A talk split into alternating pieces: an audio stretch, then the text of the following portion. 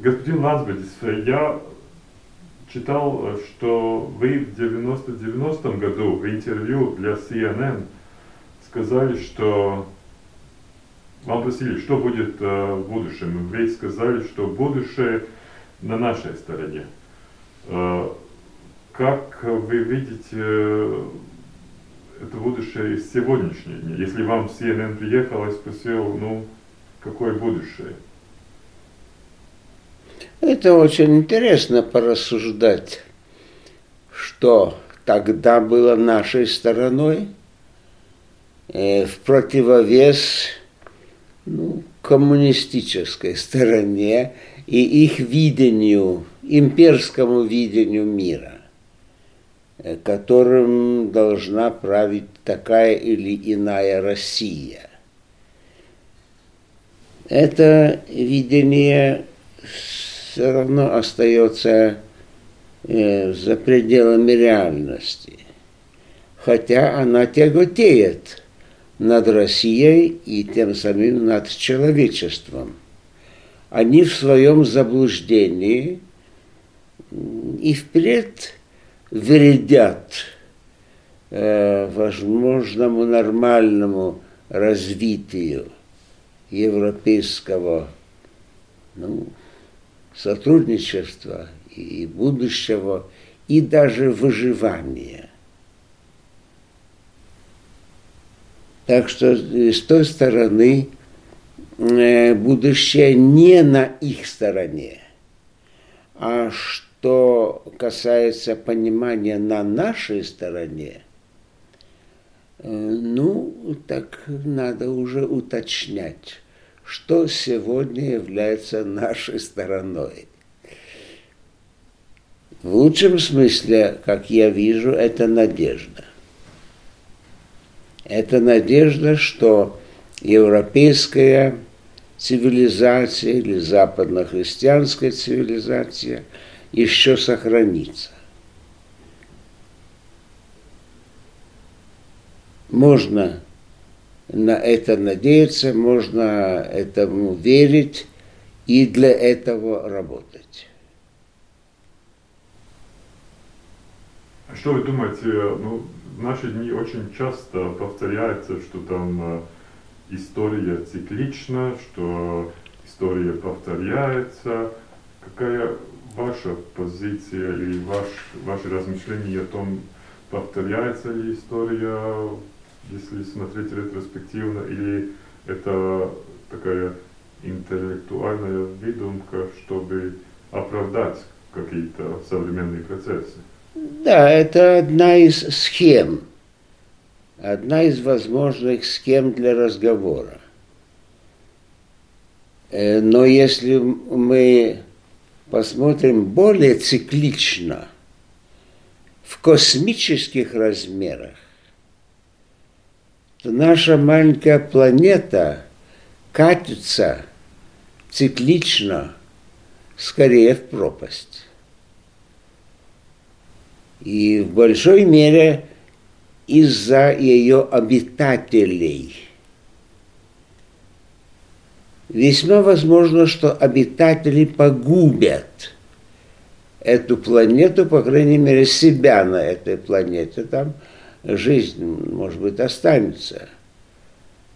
Но вот жизнь человеческая с такими цивилизационными структурами э, может и не сохраниться. И вот это, вот это, это и будет цикличность, как э, иногда так попадает э, сказать в полшутку – что Господь Бог может прийти к выводу, что его проект не удался. В ну, этой цикличности искать какой-то закономерности, там есть какой-то смысл? Тоже насчет каких-то социальных процессов. Ну, социальные процессы это более подробные вещи, такие попутные – что там происходит попутно, а, а что происходит глобально, вот возьмем хотя бы это отепления климата. Если оно так пойдет, а, наверное, оно так и пойдет. Так жизнь на планете изменится коренным образом. И все беспокойства, и э, войны, и соперничество, а кто еще будет владеть каким-то куском земли, будет очень мало значимо. А в чем тогда надежда? Это такое, ну, такое грустно. Ну, надежда. Э, не, не, не очень много этой надежды, потому что человек не способен измениться или, или прийти э, к каким-то разумным выводам что он на неправильном пути.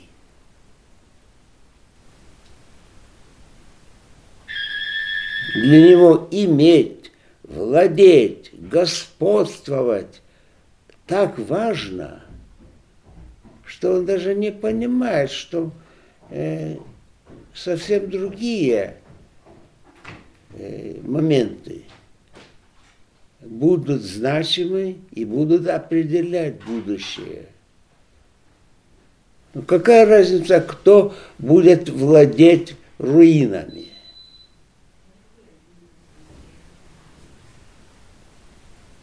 Ну-ка, там есть какой-то туристический капитал, наверное? Ну, я не знаю. Я не знаю, вот, когда один начальник говорит, что все пойдет в пух и прах, но мы пойдем в рай, а вы пойдете в ад. И вот поэтому мы должны и иметь какой-то позитивизм, какой-то оптимизм, потому что мы все-таки пойдем в рай. Только вы пойдете в ад. Это же было открыто высказано, и это не какой-нибудь там Маятала в пустыне сказал а очень большой начальник, который принимает решения. Значит, у них что-то не в порядке. Вам, наверное, знакомо это высказание Фукуямы, который когда-то в 91 году, ну, да. он тогда писал, что ну, история кончилась. Ну, что... она еще не кончилась, но она может кончиться. И, ну, и, и именно в этом контексте, что все касается с Украины и России и США, э, его высказания опять начали, потому что там его критиковали, но теперь опять начали ну, возвращаться, когда что кончилось, в каком смысле кончилось и в каком смысле это окончание продолжается. Это продолжается. Это идет. Весьма возможно, что это идет к окончанию.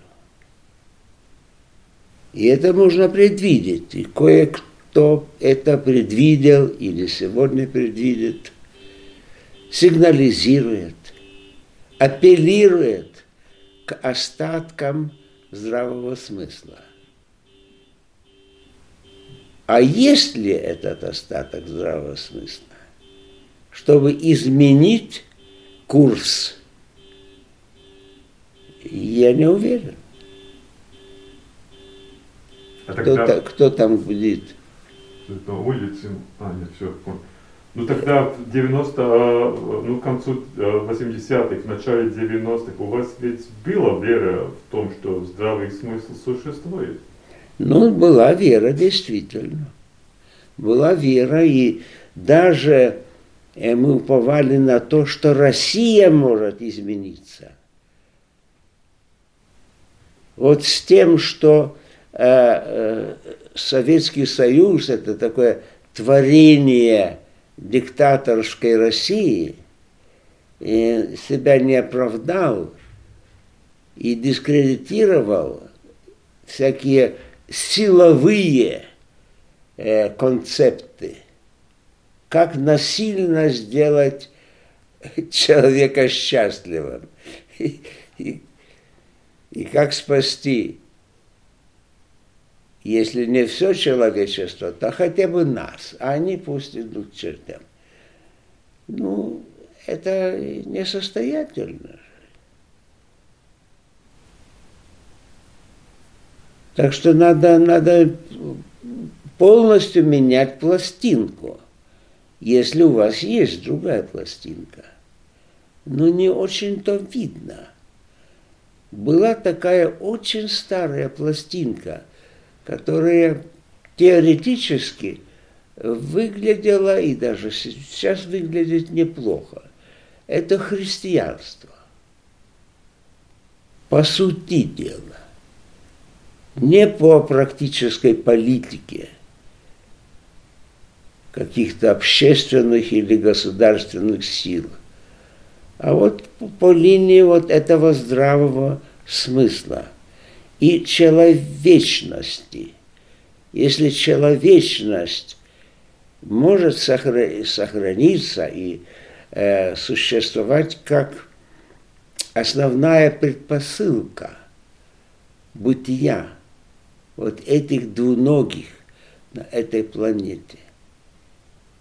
Если они друг к другу чувствуют ну, близость, братскую близость, или как-нибудь назвать, была такая формула. У нас есть отец, значит, мы братья. Как это освоить на практике? За две тысячи лет – очень мало что продвинулось. Или даже, если даже не погублено, такая идея с ее возможностью. Потому что даже по космическим параметрам, не про, по историческим, политическим тут на месте, как тут умники что-то делают друг с другом – а как это решается в космическом плане и что нам останется?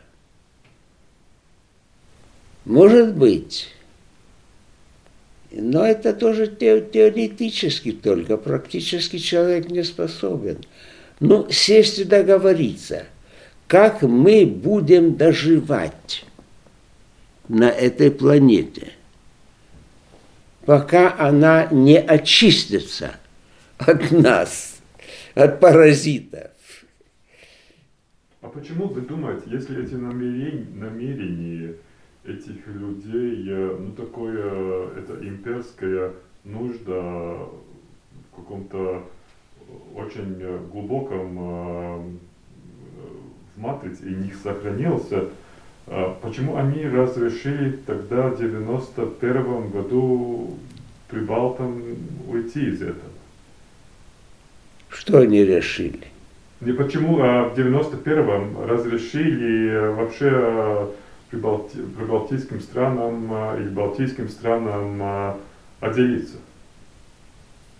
Ну, прежде всего, было, армии все было. Сама формула отделиться уже неправильная мы это всегда отрицали, и мы не шли на это, по этому пути, как бы нам отделиться. Правда, э, под одним э, углом было такое понимание, что надо отплыть в сторону от этого тонущего Титаника, чтобы нас не затянуло полностью. А если он как-то спасет себя, дай Бог, мы будем приветствовать, если Россия может себя спасти. Но если она не в силах себя спасти, а только затянуть всех, тогда, может быть, нам стоит хотя бы попробовать отплыть в сторону. Это была одна версия, да? Одни да, и мы по этому пути шли. Да. Ну а другой путь так что? Только молиться и ждать конца.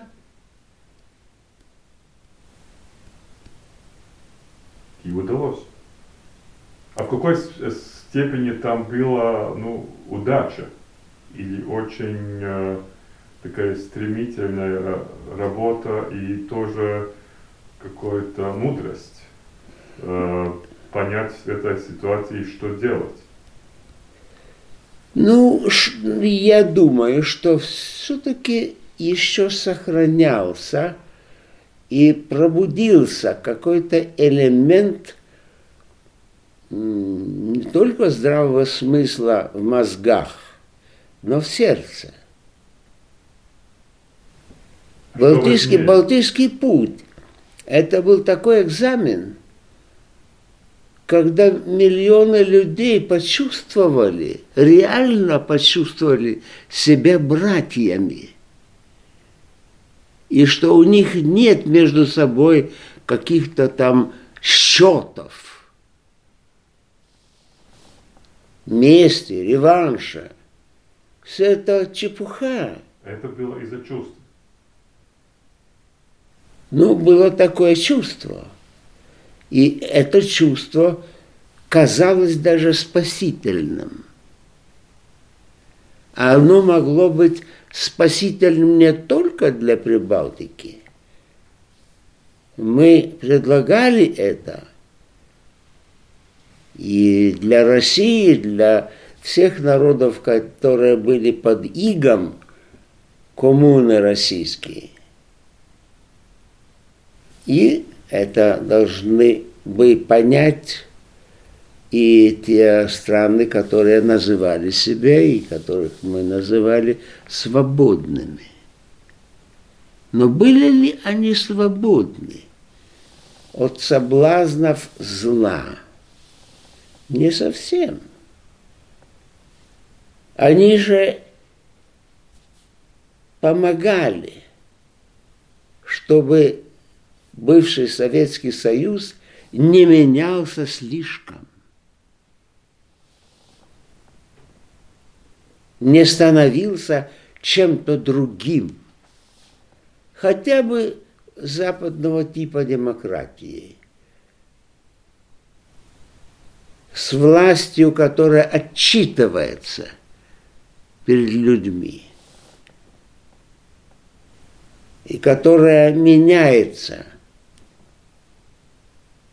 и не претендует на вечность, как при коммуне. Мы пришли на веки. И Ленин пришел на веки, и Сталин пришел на веки. Советский Союз уже будет на веки. Остается только забрать весь остальной мир. И будет полный порядок. И полное счастье для всех. Ну, мы же Помним, вы уже такого поколения, которое помнит что-то, что преподавалось. Да, ну я, моя первое место, где я работал, было газета «Атмода» в 91 году, в августе я начал работу. А вы только тогда начали? Тогда вы не прошли весь курс коммуны. Нет, ну я был именно в той том пункте, когда все очень радикально менялось. Но э, есть такая поговорка, которую говорят иногда э, историки, что ну, через три поколения нужно или должна история, э, мы должны историю писать заново, потому что контекст меняется, наши ценности меняются, э, чтобы понять, что произошло.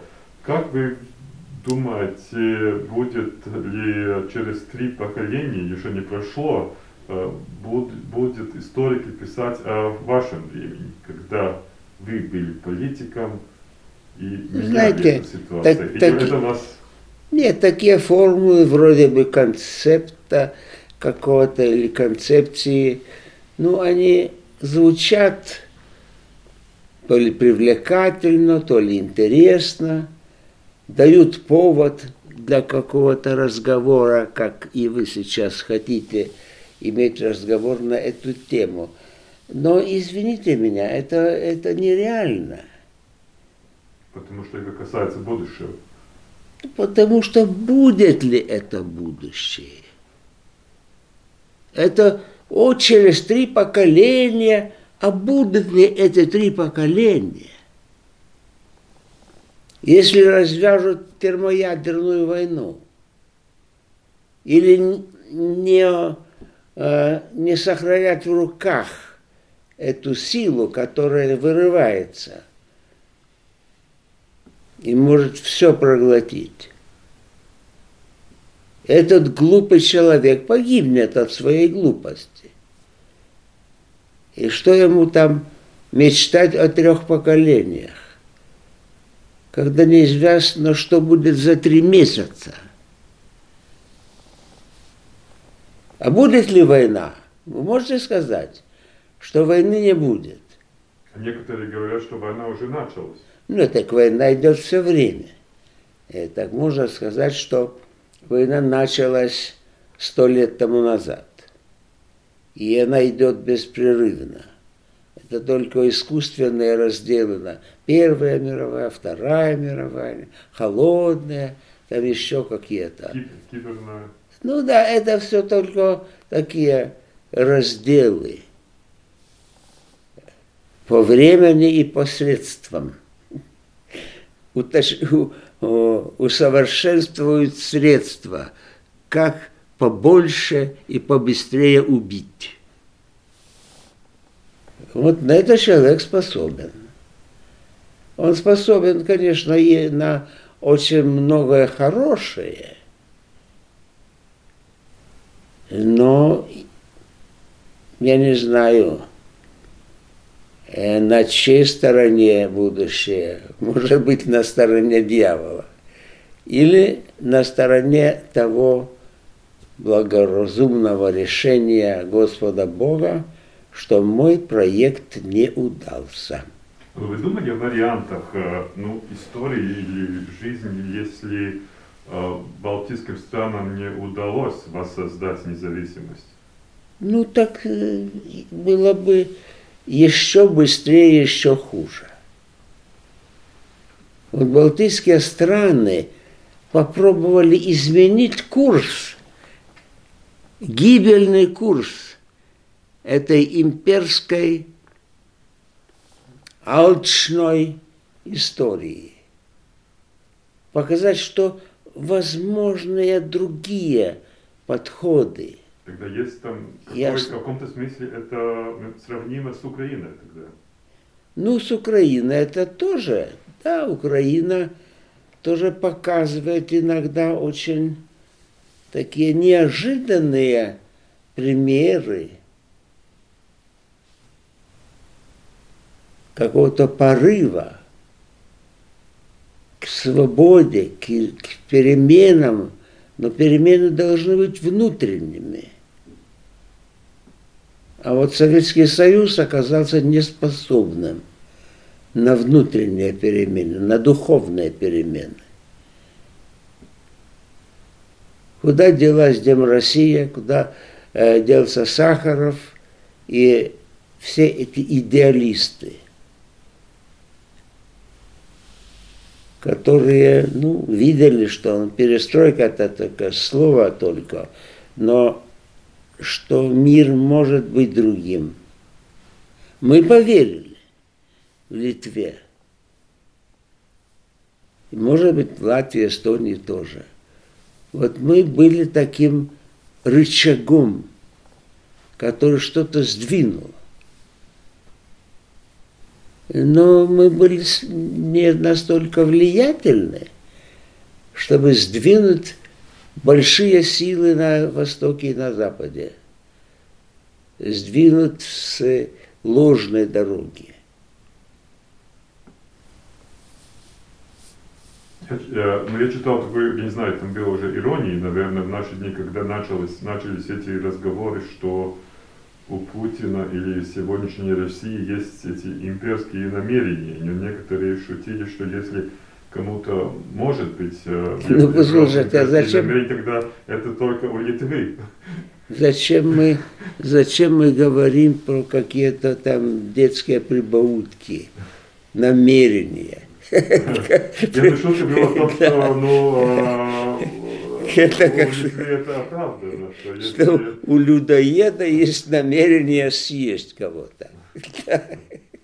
Ну, Но да. они ищут какое-то историческое оправдание своим действиям. Для них ну да, там есть, там сидит ну, так, оправ... ну, слушай, которые нет, ищут теории. Для... Нет ничего более легкого, как э, найти оправдание для собственного порока. Это я не пришел. Господь Бог меня таким создал. Вокруг меня враги. Так что я или погибну, или я должен изничтожить всех врагов. Вот по этому пути мы видим светлое будущее. Уничтожим врагов, и будет хорошо. Ну, я, ну, так что, мы сумасшедшие? Да, почти что сумасшедшие.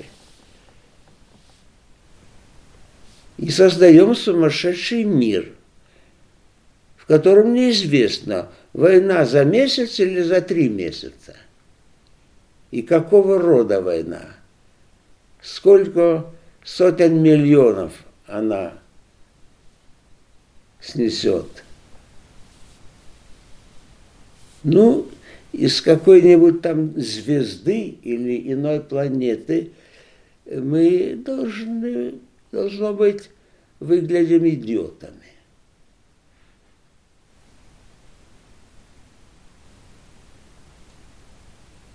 И думаете, есть какая-то провиденция, которая знает лучше нас, лучше человека? Ну, что вы, э, нас не будет, чтобы мы могли сказать, вот, я это и предсказал. Ведь э, рукопись не, не горит, как говорит, вы ведь тоже сам писали книгу о смысле. Ну да. Но вам удалось найти ответ? Ну, есть такой ответ, как поиск смысла. То есть допустимость, что есть смысл, что наше бытие имеет смысл, и наши действия имеют смысл. Но это допущение – мы допускаем это. А проверить ну, можно только на деле. Такими действиями, которые позволят нам продолжить существование, не убивая друг друга и не съедая друг друга, и не превращаясь, как я где-то так сказал, может быть, легко, что перед человеком две дороги. Или стать людоедом, или обезьяной.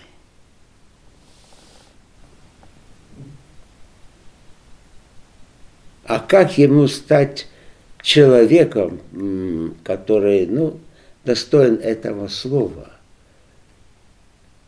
для которого главный знаменатель – это человечность и человеческое отношение к другому.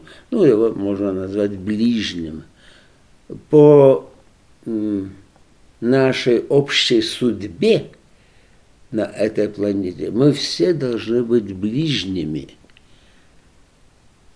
потому что мы идем к общей погибели. Не частично. Вот вы погибнете, а мы останемся. А что мы можем тогда делать, если мы все идем э, поскорее тогда вместе, чтобы мы все были счастливыми? Ну, мы, мы, если мы способны э, думать, чувствовать и находить правду,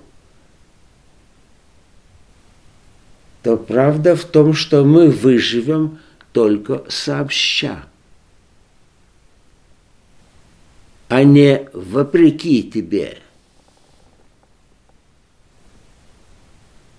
Наперекор уму. есть, есть такое очень хорошее изречение.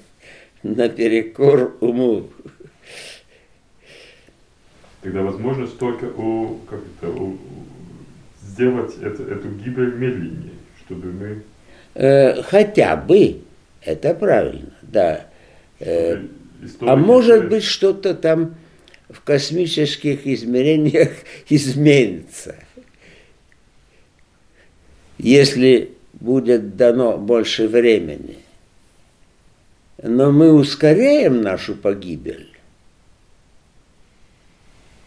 Вместо того, чтобы договориться, ребята, давайте не будем убивать друг друга, давайте не будем уничтожать, не, давайте не уничтожать эту нашу планету, ее природу, ее океаны, ее климат. Давайте договоримся, как бы нам протянуть.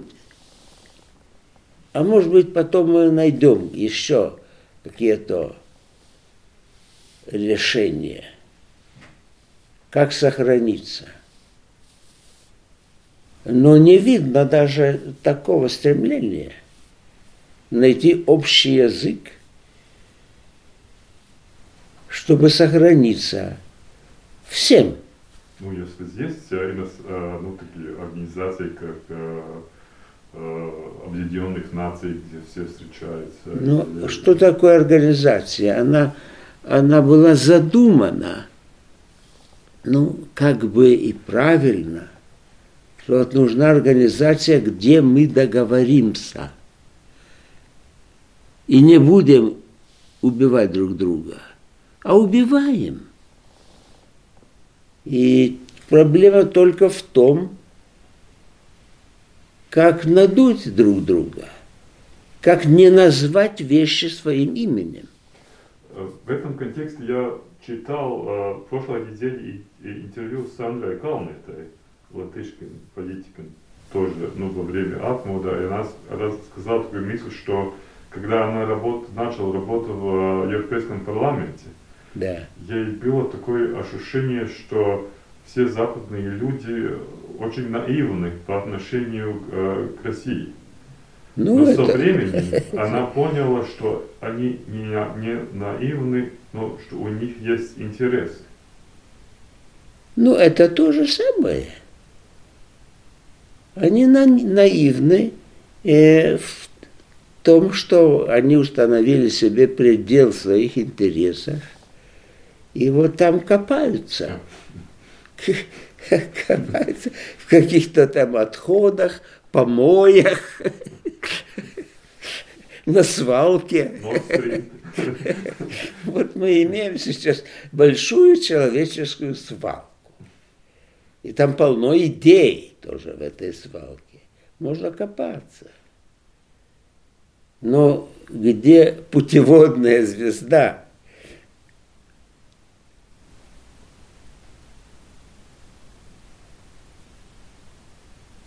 Я помню тоже. Я, мое э, видение было и мой вывод, что все западные политики марксисты. Что главным для них это ну, благополучие, материальное благополучие. И на этой почве продолжение власти.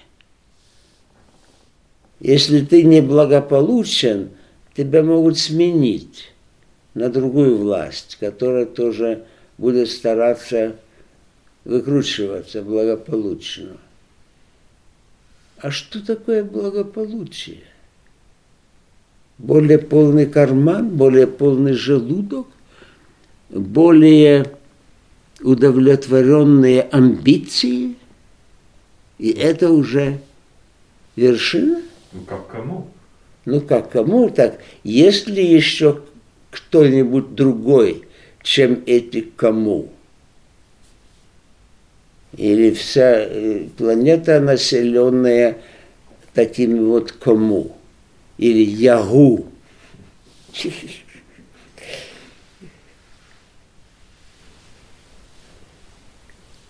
Ну, если это так, тогда а, в каком смысле мы можем мы надеяться на то, что э, западные страны помогут Прибалтике, э, балтийским странам, если это, если такая, ну, э, час X настанет?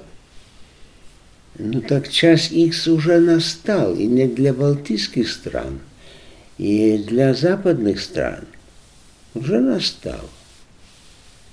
А мы знаем, что делать? Ну, вы, ну, Они- Литва, они- Литва, они- Литва знает, По-моему, они еще не осознали. А Они еще не осознали, что стоят на перекрестке. А там выбор небольшой. Как погибнуть? И в какой промежуток времени? Тут не, нет так, чтобы две большие разницы. Большая разница была бы, если бы люди и те, которые у власти, и, скажем так, устремились бы на спасение ситуации. Не собственной, за счет другого, а на спасение общей ситуации человечества. Но оно не научилось. И даже за две тысячи лет это слишком мало было. Они не стали братьями. Они враги, даже лютые враги, полные ненависти к каким-то отличным, то цивилизационным подходом, то расовым, религиозным.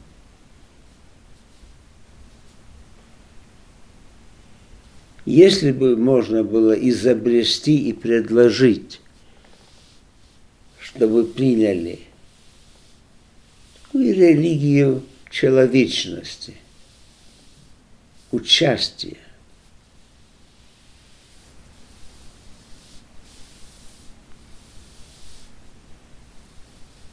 но никого это не интересует. Или это остается в области теоретических э, проектов. А пока мы должны кого-то раздавить. А время истекает. Пока мы друг друга раздавим, то э, не останется уже э, времени для тех, кто еще остался не раздавленным. А как вы думаете, времена больших политиков э, кончилось тоже? Ну, что из того, что я думаю? Покажите мне этих больших политиков. Трудно. Ну вот. И ответ. А что, произошло, что произошло? Это нет надобности или чем проблема тогда? Почему? Ну, потому что то, что происходило в концу 80-х, в начале 90-х, там было ясно, что э, роль личности была довольно большая, если смотреть... Ну, роль личности в каких обстоятельствах? Ну, там, например, на, ну, не знаю, э, в Верховном Совете Советского Союза балтийских делегаций, там, э, когда вы искали э, протоколы секретные пакта Молотова-Риббентропа, там ведь был- Ну, а там было что- необходимо иметь какую-то тоже, ну, э, ну, мудрость, да, именно человеческую мудрость. Да, но за этими, за этими потугами за этими усилиями стояли более существенные, более э, такие основополагающие вещи. Ну, протоколы, там и что, и э, захват народов и земель, э, ну, печальная история Европы и даже вот этой части Европы. Но это только частность. Если кто-нибудь думал, что а, пусть там небольшие народы, пусть они погибают, это же не так важно. Э, так он был э, э, неправ не только в таком безучастном, бесчеловечном подходе к меньшему, к более слабому. Он был э, э, противником самому себе. Потому что если такой подход устанавливается, то он гибельный. Эти людоеды, большие людоеды, они не договорятся между собой, что давайте мы всех этих маленьких съедим, а потом перестанем быть людоедами. Это же нереально. Это принципиальная... Они будут продолжать быть людоедами э, друг друга. И кто останется последним? Ну, было предсказано, что Марксом, там еще кем-нибудь, Гитлером, кто останется, кто лучше всех и кто останется. Но все это мура, все это ложный путь. Как я могу помочь тебе, чтобы ты остался?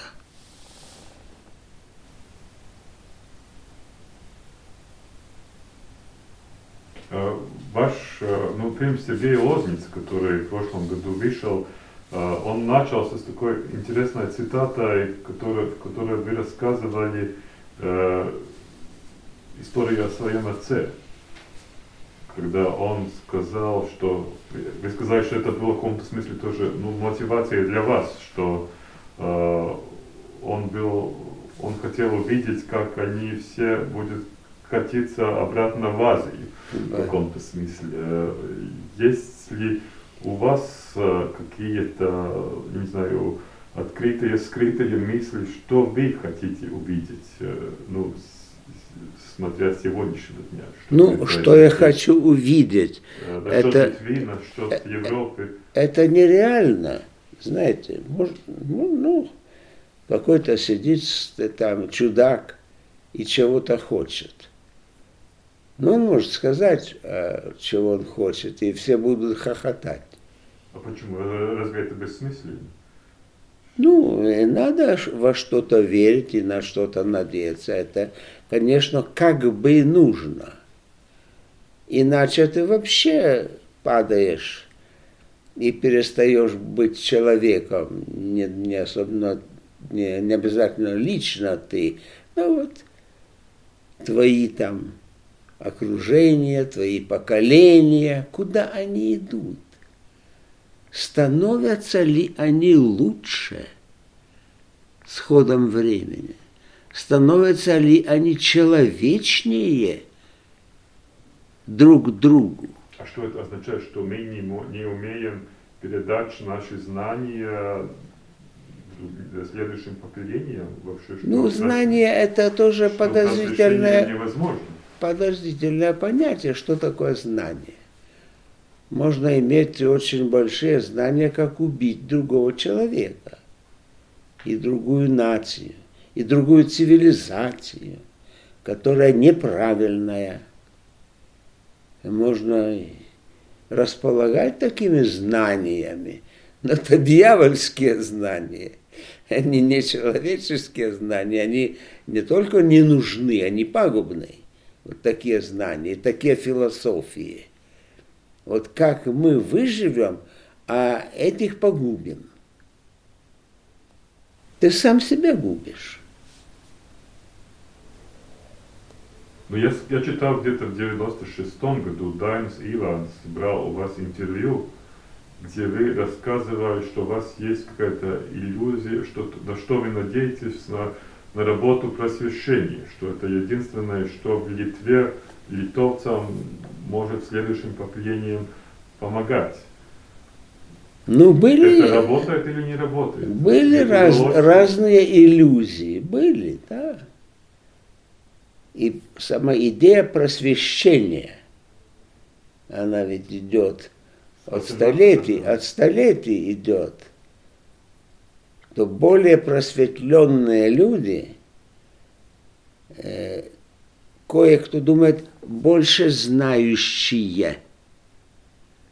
А можно повернуть и так, больше понимающие, лучше понимающие или больше знающие, как делать дела. Это совсем различные вещи. И думаете, что научить э, следующее поколение лучше понять невозможно? Ну, не то, что надо стремиться к этому, но я не вижу, чтобы было такое стремление. Как понять человека и другого человека? Как его побудить к лучшему пониманию, то есть взаимопониманию, что у нас общая судьба. Если мы давим друг друга за горло, то мы себя губим.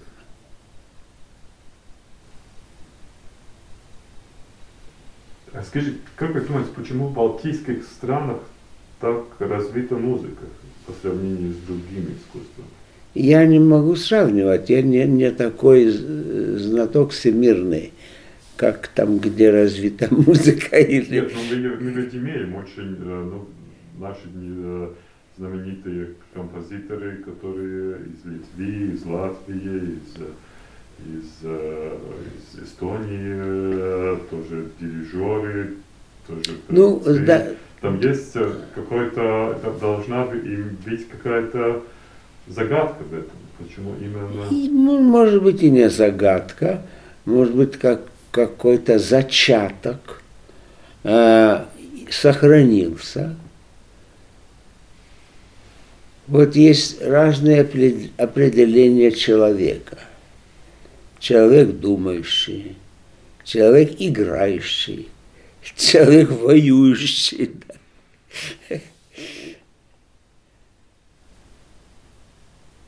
А где вот, где человек, ну, тоже любящий?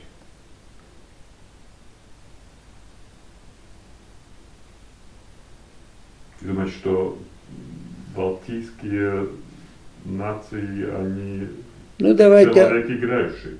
Так, давайте возьмем попроще. Человек поющий.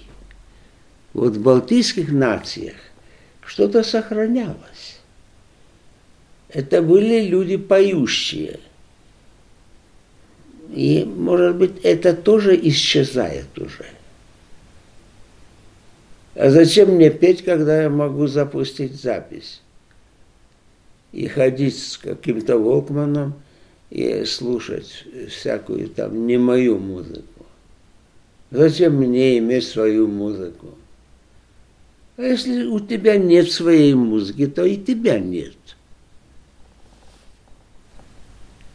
У Каплинского была такая теория, что, может быть, э, этот секрет э, э, музыкальности балтийских людей, этот секрет можно, может быть, искать, он шутил, наверное, в темноте, то, что мы большую часть года проведем в темноте, там, с, с начала ноября до конца, до начала марта и э, что в темноте другие искусства не развиваются, а петь всегда можно.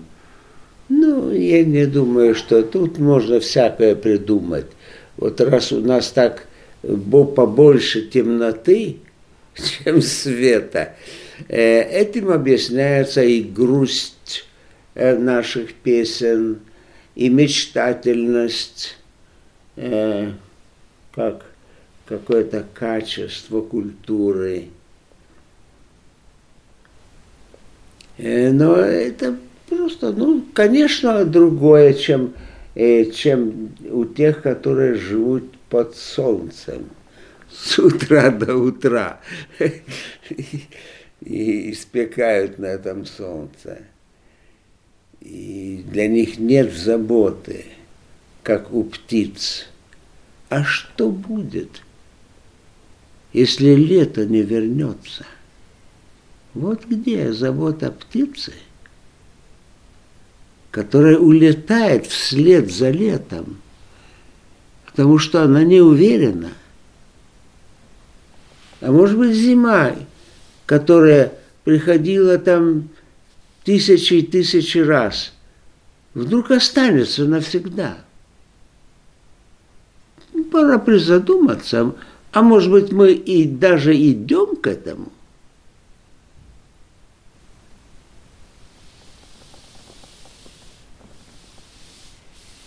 Птицы что-то понимают лучше нас. И они даже знают пути, где надо искать источник жизни, радости. Они не забывают о своей родине. Им надо выждать и вернуться. И почувствовать себя счастливыми. И запеть. И завить гнезда. А вы считаете музыку из самых высоких искусств, ну, по сравнению с другими искусствами? Ну да, музыка это что-то особенное. Даже мой коллега Людвиг ван Бетховен сказал, что музыка выше всех философий. Стоит призадуматься.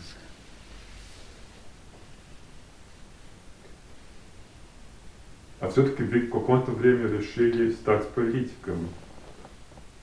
Простите? А, но если ну, вы, вы тоже были э, э, ну, профессором, и музыка для вас была самая важная материя вашей жизни, но вы все-таки в каком-то моменте решили стать политиком. Ну, я не решил. Они решили. Кто-то решил. Кто-то решил, что нужно там работать тоже. И, может быть, я там нужен. В том смысле вы не думаете о вариантах вашей жизни? Ну, жизнь как-то идет сама по себе. Он не согласна моим планам. Я только участвую. Может быть, иногда я выбираю, как участвовать. Согласно тому, что я предпочитаю как э, лучший вариант.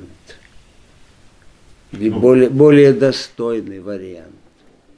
Вот это, по-моему, качества такие человеческие, человека – которые не ищут, а как мне прожить тут наиболее недостойно. Ну, сумасшедший может и так повести себя. Нормальный человек не должен быть так думать. Как бы мне упасть еще ниже? Есть такие, которые и в этом находят удовлетворение.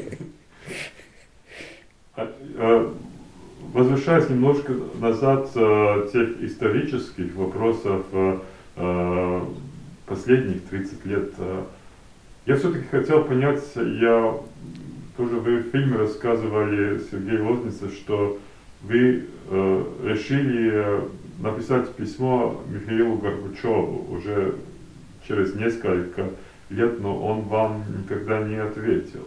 Ну, я даже... Почему вам это было необходимо? Год тому назад я написал письмо. Я не думаю, что раньше я там часто писал письма Горбачеву. Но, в конце концов, мне стало странно. Почему вот идет разбирательство этой войны против Литвы? с избиениями людей. Как будто есть ответственность и ответственные, они привлекаются к суду, а самый главный даже не допрошен. Что-то несуразное абсолютно. Ну, может быть, он недосягаем. Может быть, предложение к нему дать показания даже не доходят до него. Есть охрана и психологическая, и политическая, которая его не тревожит.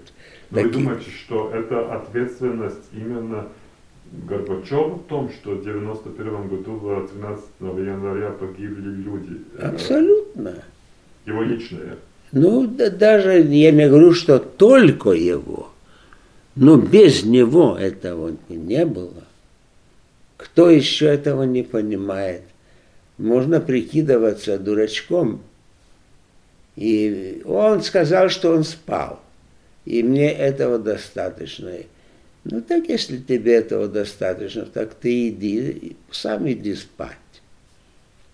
С таким... Ну, я думаю, я думаю, ну, в том смысле, как говорят, что Путин это не Путин, э, в том же контексте Горбачев, наверное, не был только Горбачевым, за ним что-то еще было. Конечно.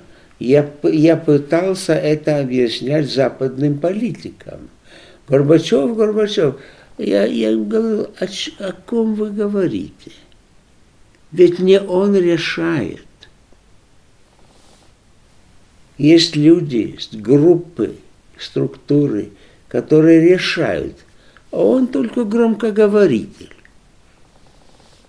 который, может быть, умеет продать вот это лучше для вас, чтобы вас надуть. Такой умелый продавец не собственной продукции – а продукция вот этой системы, мафиозной, криминальной, бесчеловечной системы. Ну, можно по-всякому там рассуждать. Откуда она? Можно еще прочитывать по несколько раз Достоевского и находить ответы. Откуда эта бесовщина идет? Почему человек вот бесится? Мой отец, э, кстати, иногда повторял такую хорошую э, русскую пословицу о ком-то или о каких-то там, которые от жиру бесятся – от жиру бесится. Вы думаете, что демократическая Россия невозможна? Ну, она сама должна ответить, но э, какой смысл спрашивать, возможно, если она не хочет? Сама не хочет. Или еще не дозрела до этого, чтобы захотеть. Еще не дошла умом что надо захотеть другого образа жизни и других людей, и нас самих э, бытия другими. А зачем? Когда все в порядке, я на уровне. Я командую половиной света. Что ты мне тут морочишь голову, какой-то музыкант из Литвы? Ну, конечно, зачем я должен кому-то морочить голову, если у него самого голова не работает. А, а как вы видите эту игру между Западом и, э, и, э, и, и Украиной по сравнению с теми знаниями, которые были у вас, когда вы были политиками. Я читал, что вы тоже ну, очень часто бывали в Белом доме тогда, и у вас тоже была какая-то э, ну, это игра, может... чтобы не, не быть всегда ну, именно послушным, потому что вам тоже ну, спросили, что вы, может быть, вы можете там согласиться с Горбачевым и не думать по своему стилю.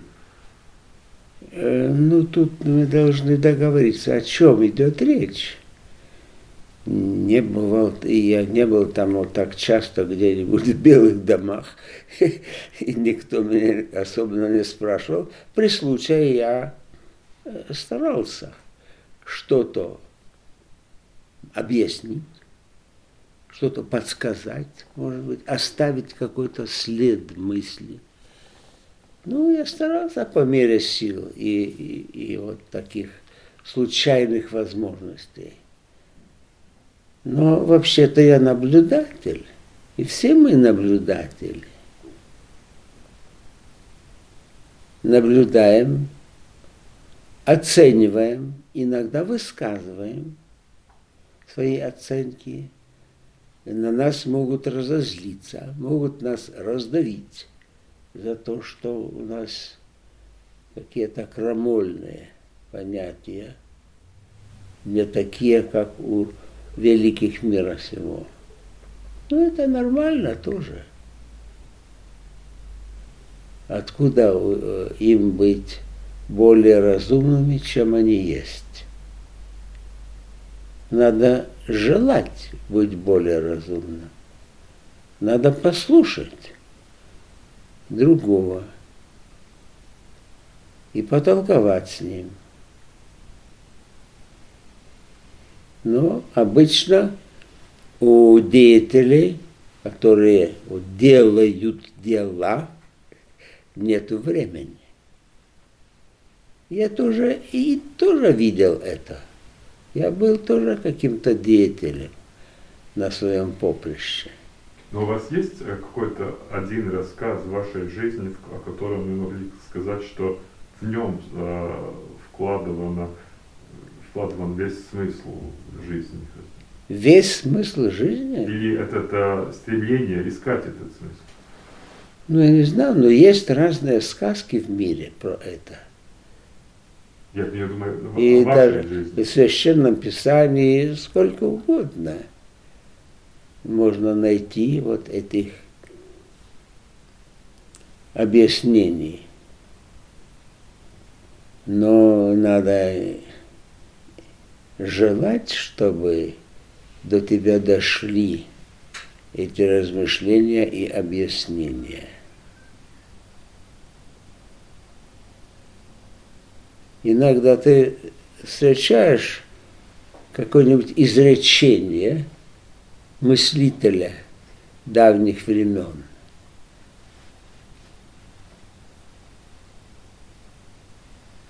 Как, например, все это уже было и неоднократно.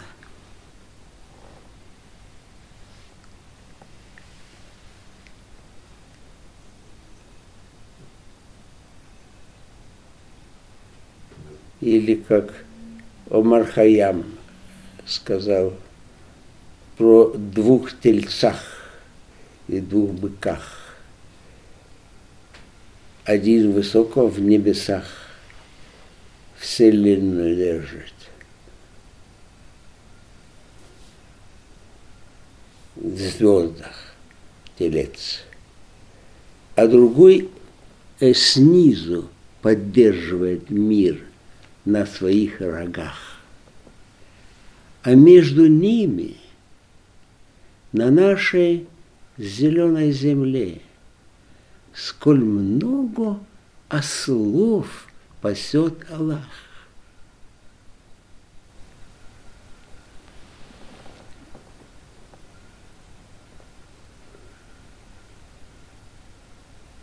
А такой человеческий страх вам знаком? Ну, в каком смысле страх? Я, я не знаю, я не хотел бы испытать такого смертельного страха, э, который меня обломал. Я не уверен. Я не хотел бы видеть погибель моих детей, моего народа, моей цивилизации – но можно отнестись ко всему фатально. Раз уж так заложено где-то в природе, в природе нашей собственной, что мы недостойны жить более человеческим образом. Я не в силах изменить даже себя, не говоря о других. Но это, это нужно хотя бы думать, хотя бы желать, хотя бы молиться, если есть высшая сила, чтобы она вам и нам помогла. Стать лучшими и лучшими друг к другу, а не наоборот. Потому что наоборот это вообще дорога в никуда и только вопрос времени. Спасибо вам большое. Пожалуйста. На какой-то очень такой пессимической ноте мы закончили. Ну а откуда брать какой-то там примитивный оптимизм? Откуда? Вы покажите мне. Ну хотя иметь сомнение. Что? Хотя иметь э, сомнение, что, а может быть это не так. Ну, а как может быть не так, что господин Путин с господином Ши решат, что давайте не будем воевать. Нет, не только между собой, они между собой тоже повоюют, когда придет время. Когда Ши будет брать всю азиатскую часть России. Но вообще не надо воевать ни с кем. Ну, там какой-то там Казахстан попутался под ногами, да. Господин Владимир пришел наводить там свои порядки. И ему очень скоро, в два дня сказали, что ты заблуждаешься. И он убрался. Мигом убрался. А сейчас поехал туда там выяснять, кто, кто шериф. Ну, но они ведь рассказывают, что это у них маленькая победа. Что? Скорая и маленькая победа. И как это их смысле? Такая маленькая скорая война, которая очень скоро заканчивается, считается победа для риторики. А где это была война? Ну, в Казахстане. Ну, там еще не было войны. Немножко поразмялись.